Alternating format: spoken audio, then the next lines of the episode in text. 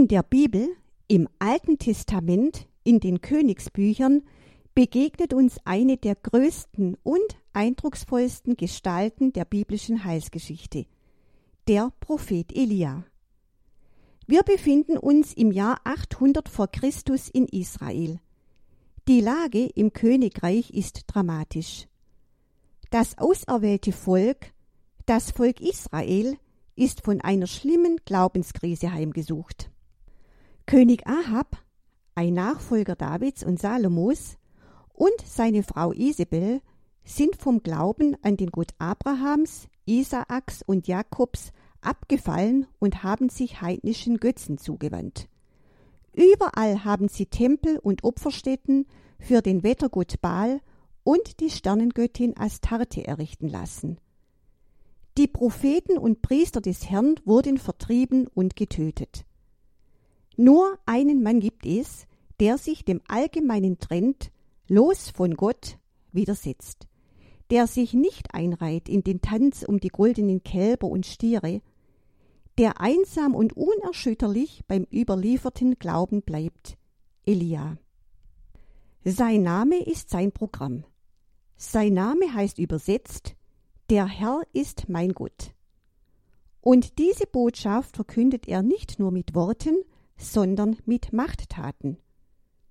Eine vierjährige Dürre ruft er auf das Land herab, zum Zeichen dafür, dass Israel ohne Gott verdorren wird und keine Zukunft hat. Vor dem Zorn des Königs muss er in die Wüste fliehen. Raben bringen ihm Brot und Fleisch. Schließlich findet er Unterschlupf bei einer armen Witwe, die zu den wenigen in Israel gehört, die den Glauben bewahrt haben, die aus Gottesfurcht ihr letztes Essen mit dem Gottesmann teilt. Und Gott vergilt ihr das. Ihr Mehltopf wird nicht mehr leer und der Ölkrug nicht mehr trocken. Schließlich taucht Elia wieder auf, um die Entscheidungsschlacht gegen den Götzenkult zu führen. Er gewinnt König Ahab dafür, ein Gottesurteil auf dem Berg Karmel durchzuführen. Die Balspriester sollen ein Stieropfer für ihre Götzen darbringen und der Prophet eines für Gott den Herrn. Wessen Opfer von göttlichem Feuer entflammt wird, dessen Gott ist der wahre und lebendige Gott. In einem dramatischen Appell wendet Elia sich an das Volk.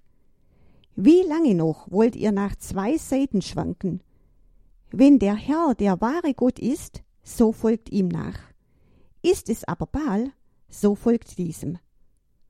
Zuerst versuchen jetzt die Baalspriester, mehrere hundert, ihre Götter zu beschwören, indem sie in Ekstase um ihren Altar tanzen.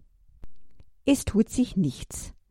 Dann tritt Elia an den Altar Gottes. Herr, Gott Abrahams, Isaaks und Jakobs, heute soll man erkennen, dass du Gott bist in Israel und dass ich dein Knecht bin und auf dein Wort hin dies alles getan habe.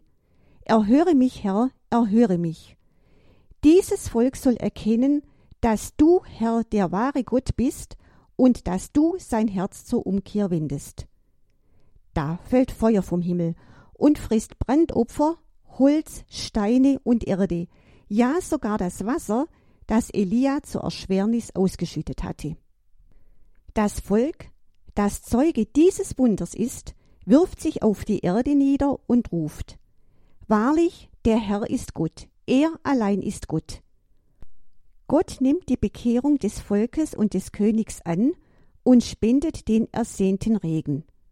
Von ihm kommt alles Leben und nicht von den Fruchtbarkeitsgötzen. Aber der Sieg des Elia ist nur von kurzer Dauer. Königin Isabel droht Elia mit dem Tod und wiegelt das Volk gegen ihn auf.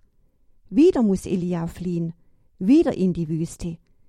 Elia glaubt nicht mehr an einen Erfolg seiner Mission. Er hat resigniert.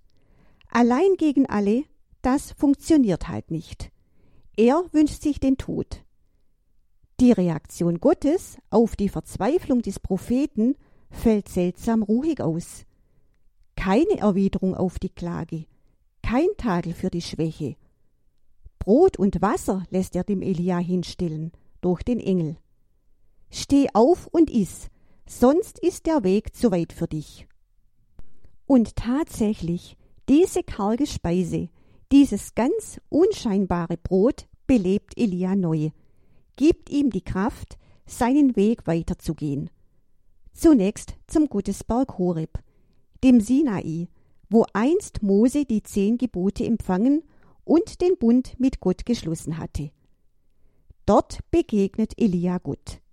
Nicht im Sturm, nicht im Erdbeben, nicht im Feuer, sondern in einem stillen, sanften Säuseln. Als Elia dies wahrnimmt, hüllt er sein Gesicht in den Mantel, denn in dem Windhauch war Gott. Danach erhält er von Gott den Auftrag, Elisha zu seinem Nachfolger zu bestimmen. Am Ende seines Lebens muss Elia nicht sterben, sondern wird von einem Wagen aus Feuer in den Himmel entrückt.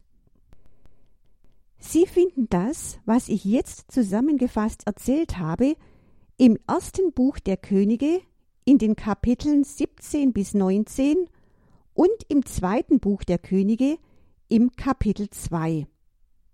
Zum Schluss noch eine Folgerung aus der Gestalt des Elia für uns. Ohne das Brot vom Himmel hätte es Elia nicht mehr geschafft, wäre der Weg für ihn zu weit geworden. Das ist ein Vorausbild, eine Verheißung für jenes Himmelsbrot, von dem Jesus im Evangelium spricht. Ich bin das Brot des Lebens. Wer von diesem Brot isst, wird in Ewigkeit leben. Das Brot, das ich gebe, ist mein Fleisch. Ich gebe es hin für das Leben der Welt. Dieses Brot ist äußerlich genauso karg und unscheinbar wie das Brot für Elia. Aber es hat, nach dem Wort des Herrn, eben solche Lebenskraft. Und wir brauchen es genauso wie Elia, damit wir auf unserem Lebensweg und auf unserem Glaubensweg unbeirrt Tag zu Tag weitergehen können. Die Eucharistie ist sozusagen unser Notproviant, unser himmlischer Überlebensproviant. Wir brauchen diese Speise, sonst ist der Weg zu weit für uns.